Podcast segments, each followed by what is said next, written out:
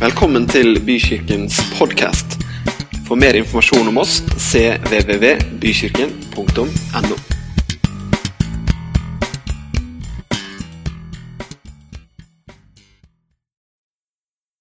Jeg har del to i dag eh, for meg, da. Bro til tro. Eh, hadde litt forrige gang. Eh, skal fortsette litt. Ikke akkurat i samme gata, men på samme tema. Det står et vers eh, som ikke kommer opp her, for det har ikke levert eh, gutta her nede. Men det står i 1. Timoteus 2,4 så skriver Paulus om Gud. Han som vil at alle mennesker skal bli frelst og lære sannheten å kjenne. Og Det er på en måte sånn utgangspunkt vi gjerne har i møte med mennesker i forhold til tro, i forhold til kirke. Gud vil at alle mennesker skal bli frelst og komme til sannhetserkjennelse. Og så tenker vi da automatisk at eh, alle er like potensielle til å bli frelst. Så er spørsmålet om de er det. Eh, og Nå skal jeg ta deg med en liten runde på det her med å dele evangeliet. Noen tanker om det. Eh, I Kolossebrevet kapittel 2 det, Nå kommer det opp vers etter hvert her. Så står det noe. For i ham er alle visdommens og kunnskapens skatter skjult til stede. I Gud så er alle kunnskapen, all kunnskap og visdommens skatte. det er skjult til stede. Ja, Gud har alt. Det er der, men det står også at det er skjult. Det vil jeg at du skal ta med deg. Det er ikke nødvendigvis så åpenbart at det er der. Det er skjult. Det står også i Matteus, det er Jesus som taler til folket, eller har talt til folket. Så sier Jesus På den tiden tok Jesus til orde og sa Jeg priser deg, Far, himmelens og jordens Herre, fordi du har skjult dette for de vise og forstandige, men åpenbart det for de umyndige og små. Det er jo litt, eh, sikkert et vers de fleste av dere har lest før. Men det er jo likevel et litt rart vers med tanke på det her at Gud vil at alle mennesker skal bli frelst og komme til sannhets erkjennelse. Samtidig så er det sånn at Jesus priser Gud fordi du har skjult dette for de vise og forstandige. Ja, rett og slett, Han takker Gud. Takk, Far i himmelen, for at du har skjult dette for en viss kategori mennesker. Og så har du åpenbart det for en annen kategori mennesker. Og Det er ikke bare det at eh, det er skjult for en viss kategori mennesker, men han sier du har skjult det for en viss kategori mennesker. Du har rett og slett gjort sånn at de ikke klarer å se lyset som skinner fram fra evangeliet. Er ikke det litt rart? Han rett og slett priser Gud for det. Eh, at noe er skjult, det betyr jo at det fins. Vi, vi, gjemmer jo ting, vi òg, som ikke vi vil at kanskje barna våre skal få tak i. For eksempel. så er det visse ting vi gjemmer unna hjemme hos oss sjøl, fordi vi tenker at hvis de får tak i det, så kommer de ikke til å behandle det riktig. ikke sant? Vi, vi gjemmer ting litt unna. da. Vi har det, men vi har gjemt det. De, man vet ikke om det, rett og slett. At det fins. Det andre ordet her som blir brukt, det er jo det at noe er åpenbart for de umyndige og små. Det Åpenbaring er det greske apokalypto, som egentlig bare betyr å dra forhenget fra. Og si dette, der er det faktisk Oi! Det har jeg ikke sett før, men det har vært der hele tida. Ja, det har vært der hele tida. Du har bare ikke visst om det. Ja, men Det var jo fantastisk. Da oppdager jeg noe. Og Uten å ta et studie på det, så er det jo veldig sånn, det er et ord som går igjen veldig mye i Bibelen. da, At Gud åpenbarer seg. Ikke sant? Og at, Gud, at mennesker får åpenbaring. Det går igjen veldig mange ganger både Det gamle og Det nye testamentet i forhold til at mennesker ser og, lære Gud å kjenne. Eller at Gud kommer til mennesker. Det er Åpenbaring er det ordet som blir brukt. At man plutselig ser noe man ikke har sett før, men som har vært der hele tiden. Og Jesus priser Gud for at for noen så er det rett og slett skjult. Vi er jo veldig opptatt av å vise frem evangeliet. ikke sant? Det er det vi tenker på nå. Bro til tro, vi skal vise frem evangeliet. Alle, alle er like potensielle osv. Eh, og vi tenker at det skal vi gjøre, og det er jo selvfølgelig riktig. Samtidig da, så er det en realitet at det er ikke alle som ser, selv om det egentlig burde se. Det er skjult. Det er en hemmelighet som de ikke ser. Når Jesus kom til verden, så ble han født inn som Guds sønn. Maria visste det. Eh, Josef eh, skjønte det òg. Men det var ikke så mange kanskje som skjønte at Jesus faktisk var Guds sønn.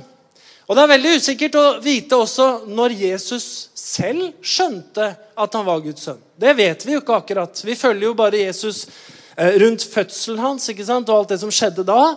Og så dukker Jesus opp eh, på arenaen i Bibelen når han er tolv år gammel. Hvor han da sitter og eh, reflekterer og diskuterer skriftene med de skriftlærde og fariseerne som ble liksom slått ut av hans kunnskap om Guds ord. Så det kan godt hende at det er en indikator på at da visste Jesus at han var Guds sønn. Men Noe mer vet vi egentlig ikke om det. Men vi vet at når han var 30 år, så trer han fram på arenaen. Og da vet vi helt sikkert at han visste at han var Guds sønn. At han var kommet for å frelse verden, for å dø for verdens synder. Det vet vi helt sikkert. Så Jesus må jo ha hatt en ganske lang periode før han trår fram på den offentlige arenaen og gjør sitt første mirakel. For det gjør han da i bryllupet i Kana. Da gjør han sitt første mirakel. Han gjør vann til vin. Og så starter disse tre åra hvor Jesus er i aktiv tjeneste. Men jeg tenker litt på de åra før. Da. Ta, ta de ti åra fra han var 20 til han var 30 år. Så gikk jo Jesus faktisk med en hemmelighet inni seg. Hvor han visste hvem han var. Han visste hva han hadde. Han bar på Guds kraft. Han bar på Guds åpenbaring. Allikevel så gjør han ingen mirakler. Han gjør, eh, han gjør ingen offentlige undervisninger. Han gjør eh, ingen, ingen forkynnelse. Altså, han er en tilbaketrukken person. Han er en tømrer og lever tilbaketrukket. Så hele den tida så går Jesus med en sånn hemmelighet på innsida som ingen andre rundt den egentlig vet om, kanskje enn de aller nærmeste som skjønte det. Men til og med halvbrødrene hans hadde jo problemer med å skjønne at Jesus var Guds sønn, selv etter at Jesus hadde starta i aktiv offentlig tjeneste. Så det her var jo noe Jesus virkelig bar på litt sånn aleine i livet sitt. da. Og jeg tror også at det, sånn, eh, Litt på samme måten så er det å være kristen. Altså Man kan gå rundt på, i denne verden, på arbeidsplassen sin, eh, hvor man enn befinner seg i hverdagen. da. Og så har man denne åpenbaringen på innsida. Du er en trone. da. Du har møtt Gud, du har møtt Jesus, du har Guds rike på innsida. Og det er som en hemmelighet som du kanskje ikke alltid får delt, eller en hemmelighet du ikke deler. Men så står det noe om Jesus da tiden var inne. Ikke sant? Da tiden var inne, så trådte Jesus, Jesus fram. Eh, og Derfor så er det igjen det her at noe er skjult, men det er der. Og så kan vi tenke ja, men Jesus, Hva hvis Jesus hadde begynt fem år før? Og forkynt og gjort mirakler fem år tidligere. Da er det jo mange flere mennesker som hadde blitt berørt. Det er mange flere mennesker som hadde fått høre han tale. Han kunne reist mye lenger, mye mer osv. Hvorfor holdt han ikke på i seks år? For bare tre år er jo ingenting. Ikke sant? Så kan man tenke litt sånn menneskelig på det. At da hadde han hatt større innflytelse osv. Men Jesus gikk med den skjulte hemmeligheten på innsida faktisk i veldig mange år. Før plutselig tid er inne, og så smeller det ganske skikkelig. En kristen bærer også på en hemmelighet. En dag så tok du imot Jesus. Og Vi som sitter her, har vidt forskjellige historier for hvordan det skjedde, og hvorfor det skjedde. Det er jeg helt sikker på. Selvfølgelig er det sånn. Helt forskjellige bakgrunner, helt forskjellige historier på hvordan vi fant troen. Men en dag så fant vi troen. De kommer jo til Jesus og spør en fariseer, spør i Lukas 17 de kommer til ham og spør når Guds rike skulle komme. og Han svarer dem og sier Guds rike kommer ikke på en slik måte at man kan se det med øynene. Heller ikke skal de si 'se, her er det', eller 'der er det'. For se, Guds rike er inni dere. Det er noe vi bærer med oss. Åndens gave. Vi bærer Guds rike med oss. Og jeg tenker, Noen ganger så kjenner jeg i enkelte sammenhenger man er, hvor folk ikke vet at man er en trone, så føler jeg at jeg bærer på en sånn hemmelighet på innsida. Jeg ser litt annerledes på livet. Jeg tenker litt annerledes. Jeg har litt andre perspektiver på livet enn akkurat det her. Og så tror jeg noen ganger at den hemmeligheten finner plass. da. Jeg husker jeg hadde en sånn episode som, hvor det ble et vitnesbyrd. Jeg satt sammen med noen kollegaer på Kverneriet. tror var en fredag kveld. Noen skulle på konsert etterpå. Og vi spiste burger. Og vi satt der, og så kommer det ei dame inn som kjenner en del av de kollegaene mine. Og setter seg ned, og vi spiser. Og hun er veldig opptatt av eh, Åndenes makt, det der TV-programmet ikke sant, som har gått i 70 år snart. Veldig, ja, mange som er interessert i de tinga der. Ellers hadde de tatt av for lenge siden. Veldig interessert i det med åndenes makt og begynner å snakke litt om det. Jeg husker ikke akkurat tematikken, men de begynner å snakke om de åndelige tinga. Og jeg tror liksom eh, nesten alle de andre som satt ved bordet, de sa mm, ja, ja, ja, så spennende. Eh, ja, ikke sant? Og var veldig med på det hun la fram. Da. Og da sitter jo jeg der, da. Med min hemmelighet. Og tenker Og da, da, det, akkurat, det har sikkert vært sånn situasjon Hva skal jeg si nå? Eller skal jeg si noe? Altså, hvis jeg, hvis jeg skal si noe, så må jeg si det der er jeg helt uenig i. Og så er det jo ti andre som sitter og sier det her er kjempespennende. Eh, eh, ikke sant? Ja, ja, ja, ja. Og så sitter du en fredag kveld og spiser burger og skal ha det hyggelig. Og det er sånn der, Nei, jeg er helt uenig. Jesus, liksom. Så jeg blir jo egentlig bare stille, da. For jeg, har, jeg gidder jo ikke å si mm, kjempe, mm, kjempekult. Kjempebra. Dette tror jeg på. Det, det, kan jeg jo ikke si. Samtidig som jeg orker ikke å gå i konfrontasjon med det hele det bordet liksom, akkurat da. Kjenner jeg. Så jeg blir stille. Og de prater i vei, de. Sikkert fem minutter, og jeg bare sitter her og, sitter her og er høflig da, med min hemmelighet. Og så plutselig så stopper hun der som introduserte dette temaet, og kikker på meg, som hun ikke kjenner, og så sier jeg Men du, du sier jo ingenting. Og det er spennende. Uh, nei. ja. Nei, jeg har ikke sagt noe. Ja, for jeg føler at du For hun brukte det ordet her, nemlig. Jeg føler at du sitter på en hemmelighet, liksom. Du sier ingen, du er eneste som ikke sier noe her. Og da kunne jeg si Og da sa jeg Nei, du skjønner det at jeg, jeg er jo kristen. sa jeg. Så jeg har jo en litt annen oppfattelse av den åndelige verden enn det du har. Ja vel, hvordan da? Nei, altså det her onde og gode som du snakker om der, For meg så er det gode det er jo det er Gud. da, Det er en person. Mens det onde de, eller de negative kreftene av det du snakker om, det, det, er For meg så er det som to riker. da, Det er Guds rike hvor Gud er, og så er det mørkets rike med djevelen. Så det er litt mer sånn personorientert på en måte. ikke sant? Det er litt mer konkret. Å ja! Og da begynte jo samtalen. Og så fikk vi en veldig interessant samtale. Det var kjempeinteressant. Men det var jo det her, at da var plutselig tida der. da, Hvor du kunne fortelle om den hemmeligheten. Og jeg er sikker på at hvis jeg hadde da gått på med en gang, så hadde det blitt kjempedårlig stemning. Men etterpå så satt alle og hørte på min versjon av hvordan jeg forstår den åndelige verden ut fra et kristent ståsted. Som er helt annerledes enn New Age-ståstedet, hvor det bare, egentlig bare er et masse flum med ånder hit og dit. Rett og slett. Men vi bærer på en sånn hemmelighet, da. Rett og slett. Jeg tenker at når det gjelder å dele evangeliet, så tror jeg at noe av det som vi kan forstå ut fra hva Jesus sier om at noe er skjult og åpenbart for mennesker, så gjennom evangeliet kunne man jo tatt et eget studie på hvis man hadde tid til det.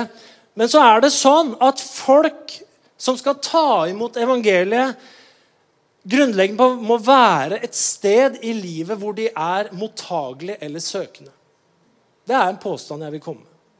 Det er ikke sånn at det er hvem som helst som er åpne, som tar imot evangeliet. Men det er mennesker som er et sted i livet der de er mottagelige, søkende eller eh, eh, interessert i Gud og det eksistensielle.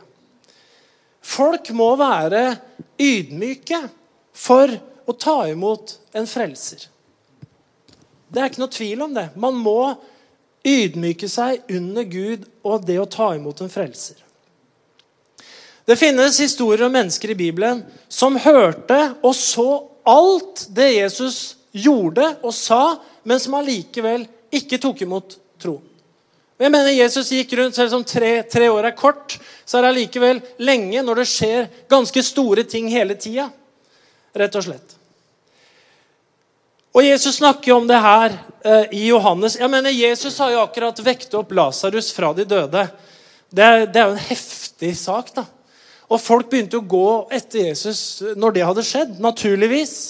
Han har vekket opp Lasarus. Han kommer ut med uh, linklærne på, liksom. Flagrende. Og en del fariserer de blir jo litt sånn sure i forbindelse med det. Se, nå, nå begynner folk å gå etter han igjen. liksom. Ja, men hallo, Han har akkurat vekket opp en fra de døde, liksom. Og da, jo, da står det litt om det her i Johannes. At det var for dette ordet hos profeten Jesaja skulle bli oppfylt, Johannes 12, som han har sagt, 'Herre, hvem trodde det budskapet vi hørte?' Og hvem ble Herrens arm åpenbart for? Derfor kunne de ikke tro. For også dette har Jesaja sagt. Han har forblindet deres øyne og forherdet deres hjerter, for at de ikke skal se med øynene og forstå med hjertet og omvende seg, så jeg kunne lege dem. Dette sa Jesaja fordi han så hans herlighet og talte om ham. Allikevel var det mange som trodde på ham, også av rådsherrene. Men for, for fariseernes skyld bekjente de det ikke for at de ikke skulle bli utstøtt av synagogen. For de ville heller ha ære av mennesker enn av Gud. Her snakker det videre om at noen mennesker har fått forherda sine hjerter. Og Det skjedde jo der Jesus gikk. Det var, det var mange som vi leser mange vitnesbyrd gjennom evangeliet, hvor Jesus gjør under og tegn og mirakler, og så står fariseerne og en del av sadukerene og de blir bare mer og mer rasende jo flere mirakler Jesus gjør. Og da er det et eller annet sted hvor man har stengt hjertet sitt og forherda seg, sånn at man ikke kan ta imot Guds ord. Og så var det mange som tok imot Guds ord. Det var mange som tok imot det Jesus gjorde. De fleste gjorde jo det. Men en del mennesker gjorde det faktisk ikke. Og Lærdommen av denne historien som vi ser rundt Jesus, det er at en del mennesker er åpne, søkende, ydmyke, klare for å ta imot evangeliet. Men andre er det faktisk ikke. Og Man kunne jo tenke at Jesus kanskje burde ha oppsøkt de åndelige lederne. At han burde eh, argumentert med dem, diskutert med dem, prøvd å overbevise dem. Jeg mener, De hadde jo stor innflytelse i samfunnet. De var jo de åndelige lederne. Det var de som folk hørte på osv. Men han gjorde jo aldri det. Han tok seg det var noen som kom til Jesus, sånn som Nikodemus, som kommer om natta, som er en av jødenes rådsherrer, som har blitt veldig nysgjerrig på Jesus. Og Jesus er jo egentlig litt sånn avvisende til han òg. Altså, skjønner du ikke det her? Født på ny. Ja, så Hva mener du Hva mener du nå, Jesus, som har blitt født på ny? Mener du? Jeg, er ganske smart fyr. Da. Jeg har studert ganske lenge. Så mener du komme inn i mors mage igjen? Altså, jeg spiller veldig dumme spørsmål her nå. Jeg hadde i hvert fall følt meg dum hvis jeg stilte stilt det spørsmålet. Men jeg skal inn i mammas mage igjen, komme ut igjen. Hva mener du nå, Jesus? Altså, Skjønner du ikke det? Du som er liksom skriftlig rådsherr, skjønner du ikke det? Nei, ja, men du skjønner altså, Det er som med vinden. vet du, Den blåser hit den vil. Sånn er hver, hver, den som er født av ånden, vet ikke hvor den kommer ifra, hvor den far hen. Ha det bra. Men Nikodemus han var jo en søkende, så han ble jo en etterfølger av Jesus. Selv om han fikk litt rare svar av Jesus. Gud og det, her, det er det her, det her egentlig vil ha med litt i det perspektivet med å være et vitne. Det at Vi må ikke glemme at Gud kaller på mennesker. Gud kaller på mennesker. Det er en sånn åndelig dimensjon rundt det å bli en troende som handler om mer enn at noen har fortrengt seg nok på og overbevist. Jeg tror det handler om at mennesker søker Vi søker hele livet. Vi søker etter noe hele livet. Så er vi på søken på en eller annen måte. Og Vi søker i veldig mange forskjellige ting. Men det vi søker, vi søker jo glede. Vi søker lykke, vi søker fred, og vi søker kjærlighet. Akkurat det som Bibelen sier at Jesus er full av. Kjærlighet, glede og fred. ikke sant? Det søker vi mennesker. Vi kan søke de materielle. Vi kan, søke, vi kan søke i det sosiale, vi kan søke i karrierer. Vi kan søke inn mot, Noen søker inn mot rus, inn mot eh, det seksuelle. Altså, Vi søker veldig mange steder for å oppnå det her med kjærlighet, fred og glede og tilfredshet i livet. ikke sant? Og så går vi på blindvei, så stanger vi hodet i veggen, og så begynner vi kanskje å søke et annet sted. Og så søker mennesker, da. Og så er det jo også sånn at Gud, han er til stede. Han hører jo bønner. ikke sant? Så når et oppriktig menneske når vi begynner å søke Gud, begynner å tenke, begynner å, å komme dit, ikke sant? så er altså Gud han er en som kaller på mennesker. Gud er en som drar i mennesker. sånn at veldig mange ganger når det er snakk om at vi får lede noen til tro, da, så er det som regel et resultat av en lang prosess i det mennesket rett før. Det er ikke så veldig ofte at det er liksom null prosess foran, og så bare er man frelst. Det er en søken i mennesker, og Gud kaller. Bibelen er full av historier om at mennesker blir kalt oppsøkt av Gud. De får kall. Det er sånne spesielle kall, kanskje som ofte er eh, lagt fram i Bibelen. Men allikevel, altså tenk deg Moses, eksempel, Han jo, har jo drept en mann, han går ut i ørkenen, han er utstøtt, blir gjeter. Så kommer han til Sinai en dag. Og der eh, er det ikke et menneske som vitner for ham. Det er en flammende tornebusk som står og brenner. Det kan Gud bruke, liksom. En tornebusk som står og brenner, og Gud taler til ham. Du vet om at mitt folk lider osv. Basically, du skal gå tilbake og du skal bli en befrier. Du skal gå til fara og si at han skal slippe folket som lider, osv. Så, videre. så Gud kaller jo Moses. Samuel, som vi leser om i Gamle Testamentet, som vokser opp i tempelet hos en prest som heter Eli, som er en ganske ung gutt, hvor Gud kommer, Gud kommer til han om natta og roper på han. Og han tror det er Eli, presten som har ropt på han, så han står opp og går inn. ropte du på meg? Nei, det gjorde jeg ikke. Gå og legg deg inn. Tredje gangen Det er nok Gud Det er nok Gud som kaller på deg, faktisk. Å ja, Han skjønte ikke sjøl engang. Men Gud får tak i han, og han kaller han. Profeten Jeremia, før du ble født, ennå var i mors liv, kalte jeg deg og satte deg til en profet blant folkene. Gud kalte Jeremia. ikke sant? Paulus på vei til Damaskus. Han har ikke planer om å følge Jesus. Han har, han har bare planer om å forfølge Jesus, men ikke å følge Jesus. Men han er selvfølgelig veldig interessert i Gud. Han er veldig engasjert. Han ønsker å finne sannheten. Han, han, han, tror han gjør det helt rette på Guds vegne ved å forfølge kristne og, og, prøve så godt han kan å utrydde kristne. Rett Og slett. Og Gud ser jo det her. Han skjønner at han er jo egentlig en som søker. Og så kommer Jesus, slår han av hesten, gjør han blind, snakker til ham veldig tydelig. Så Gud kaller mennesker. Gud søker mennesker opp. Og Det må vi ikke glemme. Når Jesus skal ha disipler, så setter han ikke en annonse i avisa. Messias, Guds sønn, kaller disipler. Ledig stilling. Nei. Jesus går rundt og søker opp hver enkelt av dem med navn og snakker til dem og kaller hver enkelt av dem. Og når han snakker til de tolv disiplene seinere, så snakker han om at 'jeg utvalgte dere', 'dere utvalgte ikke meg', 'jeg har utvalgt dere', osv. Han er en som har oppsøkt dem personlig og tatt kontakt med dem. Og Lærdommen er at Gud kaller på mennesker. og Derfor så er det jo at vi må kunne være til stede som Guds vitner og på en måte gi orda å være den som kanskje gjør det siste puffet noen ganger når mennesker har blitt kalt av Gud. Nå er ikke det noe man typisk eh, snakker så mye om i Norge sånn offentlig, at ja, Gud kaller på meg om dagen. og sånn. Det er ikke så mange som sier det. Men veldig mange mennesker opplever selvfølgelig at Gud kaller på dem. Veldig mange mennesker ber jo bønner. ikke sant? Veldig mange mennesker, De fleste tror jo at det fins en gud i Norge. Altså, Vi sier at det er så avkristne og det ene og det andre. Men fortsatt så er det sånn at de fleste tror at det fins en gud. Så er det litt vanskelig for å sette ord på det. Så er det veldig mange som tror at det fins en åndelig verden.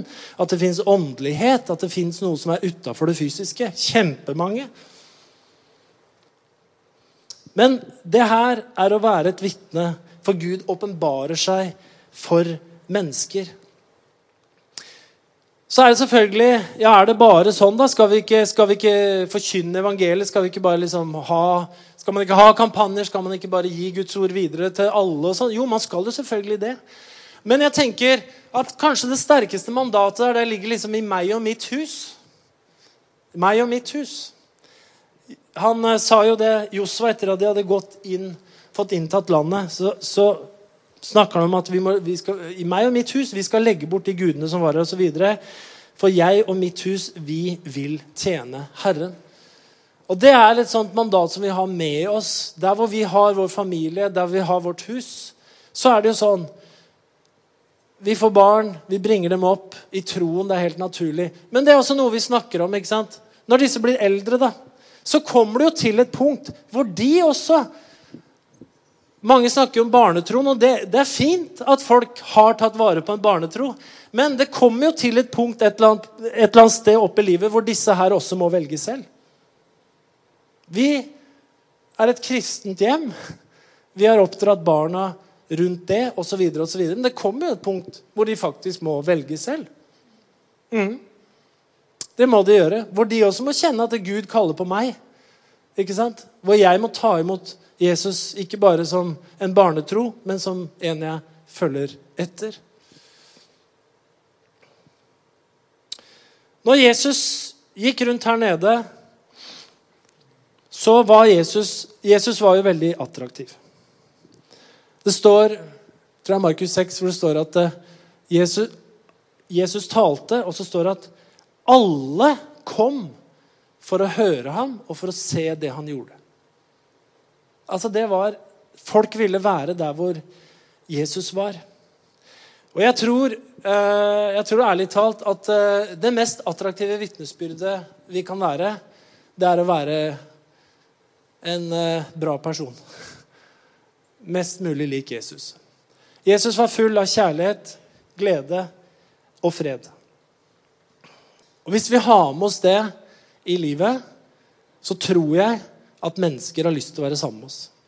Og jeg tror at hvis vi er våkne, da, så vil vi få muligheter til å dele troen. De Jeg har ikke statistikk på det, men min erfaring er at de fleste som kommer til tro, de kommer til tro fordi de har kjent noen. Det kan være familien, selvfølgelig. Det kan være noen besteforeldre. Det kan være en arbeidskollega. Det kan være noen fra skolen osv. osv. som gjør at man får lyst og blir nysgjerrig på kanskje det er dette jeg søker etter. Når jeg satt på kverneriet og spiste den burgeren og fikk den lange samtalen, så var det ei som var spesielt positiv. Og det var fordi Grunnen til at hun var positiv, var fordi at hun hadde en mann som var snekker, som var ansatt i firmaet til en eh, byggmester som er kristen, som har ei kone som deler ut brød til de narkomane i byen. Derfor var hun positiv. Rett og slett. Og prata ekstra lenge med meg etterpå. Fordi hun kjente noen som kjente noen som gjorde noe bra som hadde et positivt vitnesbyrd rundt i hennes liv. Jesus var jo, som man ville sagt i dag, en influenser. da. På en veldig positiv måte. Han, han hadde innflytelse på mennesker. Voldsom innflytelse der hvor han var. Og jeg tror også at det er bra å være influenser hvis man er på de rette tinga. At vi kan være gode påvirkere der hvor vi er. da.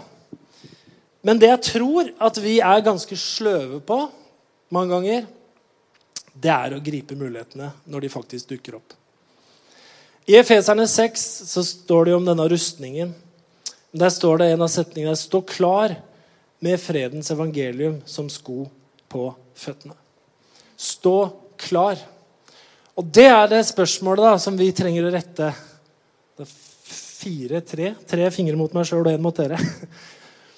Er vi klare? Er vi klare med evangeliet når mulighetene faktisk dukker opp? Eller skygger vi banen? Fordi eh, det er det Gud ønsker, at vi skal være, vi skal være klare når mulighetene kommer. For det Gud kaller mennesker. Og mennesker kaller på Gud kanskje mange ganger uten at de vet det. Og så er det muligheter vi får, som kanskje vi bare Noen ganger så griper vi det ikke. da. Mens andre ganger så gjør vi faktisk det. Så kan vi få disse utrolig gode samtalene hvor vi kan få lov å gi evangeliet videre til noen mennesker. Jeg husker vi hadde ei eh, hjemme hos eh, oss en del som blei frelst, som Katrin traff på eh, treningssenter. Som også var en sånn veldig New Age-opptatt eh, dame. Fantastisk eh, flott. Veldig på søken etter meninga med livet. Hadde søkt veldig i det åndelige. da, Uten å ha tenkt på at, det- at det var en gud, liksom. Og Vi prata jo, jo mye med henne, men det var jo Katrin da, på treningssenteret som løfta så tunge vekter at hun ble så imponert av andre. Nei, det var ikke det. Det var, var bare så var så bra person, da. For det er hun jo, ikke sant? Og, og fikk den fine kontakten som ender da med en frelsesbønn hjemme i stua vår en dag. Etter å ha snakka masse om at ja, men du vet, det gode, det er, det er Gud. Det er pappaen, det er himmelen. ikke sant? Det er Gud. Det er han som, han som du kan be til. Og Jeg husker det kjempegodt. For jeg satt på kontoret, plutselig åpner døra, så, så står det ei dame i døra og bare Jeg har blitt kristen! Står og hylgråter. Ja, så fint, da! Det var jo kjempefint. Og ble jo heltent for Jesus, da. Det var helt fantastisk. Men det starta noe med at man var et menneske som fikk et inngang hos et annet menneske. Fordi man har kjærlighet, fred og glede med seg. Så det, det, det må vi ta med oss, rett og slett. Eh, at vi skal være klare, da. Men det, det jeg bare tenkte i det, store bildet her, da, så er det sånn at vi må være klare. Ikke sant? Vi, vi må liksom være litt på, være litt klare. Ha denne rustningen på oss, ha disse skoa i beredskap. da, Så når det skjer noe, så er vi faktisk klare til å gå. Og du vet, Vi hadde sånn i Forsvaret. Vi skulle ha var veldig system. Hvis du har sett Kompani Lauritzen, så er det er ikke tull, det her med alle tellekantene og støvfritt og marsjstøvlene skal være klare. og sånn, For det var sånn når alarmen gikk, så var det bare da hadde du bare veldig veldig kort tid. Så måtte du stå ute klar med alt utstyret ferdig på å nåde deg. altså Hvis du hadde glemt geværet ditt da, liksom. Eller noe annet. Alt skulle være på innen få sekunder, i hvert fall få minutter. Og så skulle dere være klar til å gå til oppdrag. Og Det er jo litt det bildet her som Paulus bruker. da, Man må ha den rustningen, og den skal være selv om du sover. Så må du liksom vite hvor du har tinga dine. Så om alarmen går, så er det pang! Jeg er klar med en gang.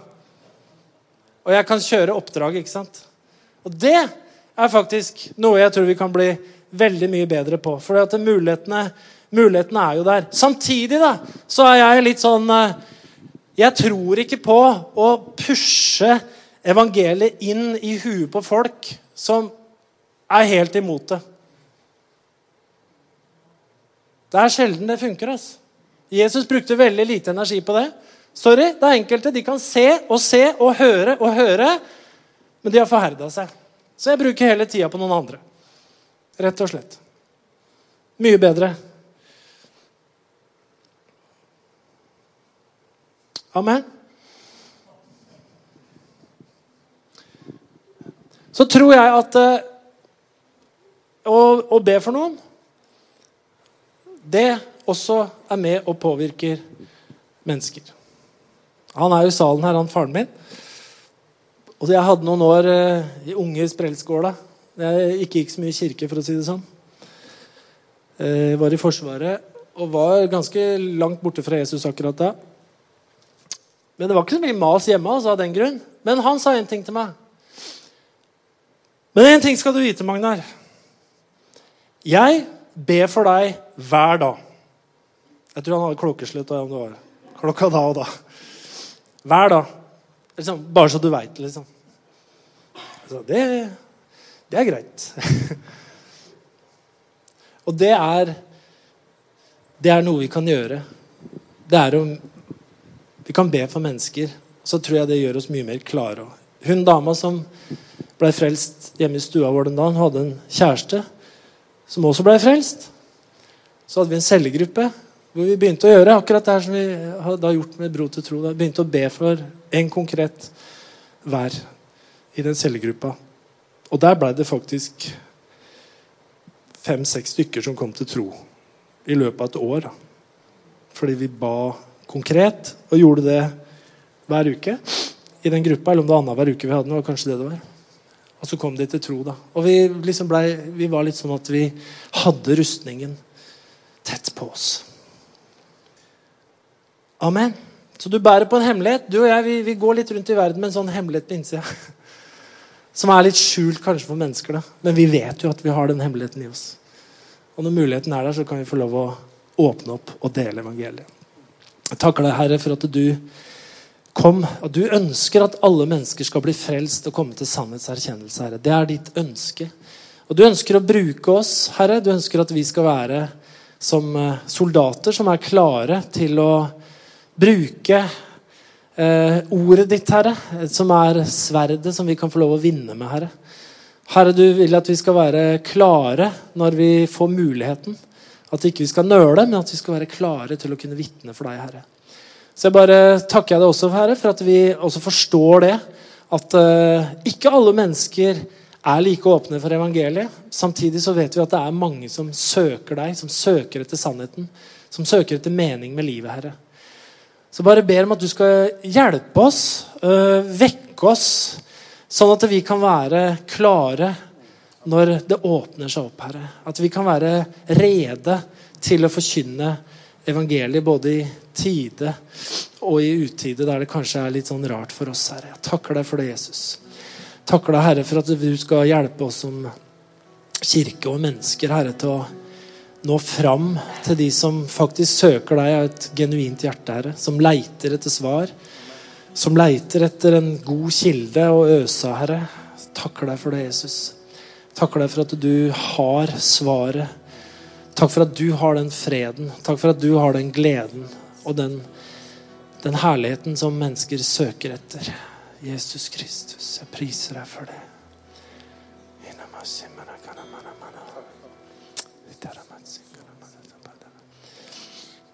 Det er fryktelig lett å bli eh, bedøva av eh, alt i livet, egentlig. Så vi må Vi må nok være litt mer på, tror jeg. Litt mer våkne. Jeg tror vi alle har muligheter da, som ikke vi griper. Gode venner, gode kollegaer, gode naboer. Folk som eh, folk som har veldig stor tillit til oss. Da. Jeg tror Alle dere som sitter her, har masse mennesker rundt dere som har masse, masse, masse tillit til dere. Som tenker at dere er eh, bra folk, som de gjerne snakker skikkelig med og, og hører på ikke sant? når dere sier noe. Det er jo den, er den relasjonsgreia. da. Det kanskje blir sånn ord relasjonsbygging for evangeliet. Jeg tror ikke det er så mange som går og tenker på relasjonsbygging for evangeliet hele tida. Jeg tror vi bare bygger relasjoner der vi er. Og vi har masse bra relasjoner. Vi har jo det. Og noen ganger så kanskje det er helt fjernt å ta opp det med evangeliet. Men andre ganger så kommer jo muligheten til oss. da. Og så sier vi kanskje ingenting. Selv om de menneskene sannsynligvis hadde hørt godt etter når akkurat du sier noe. da. Akkurat som, altså, Det var bare et eksempel fra den uh, kverneriet den gangen. Jeg kunne jo valgt jeg kunne jo valgt å ikke si noen ting.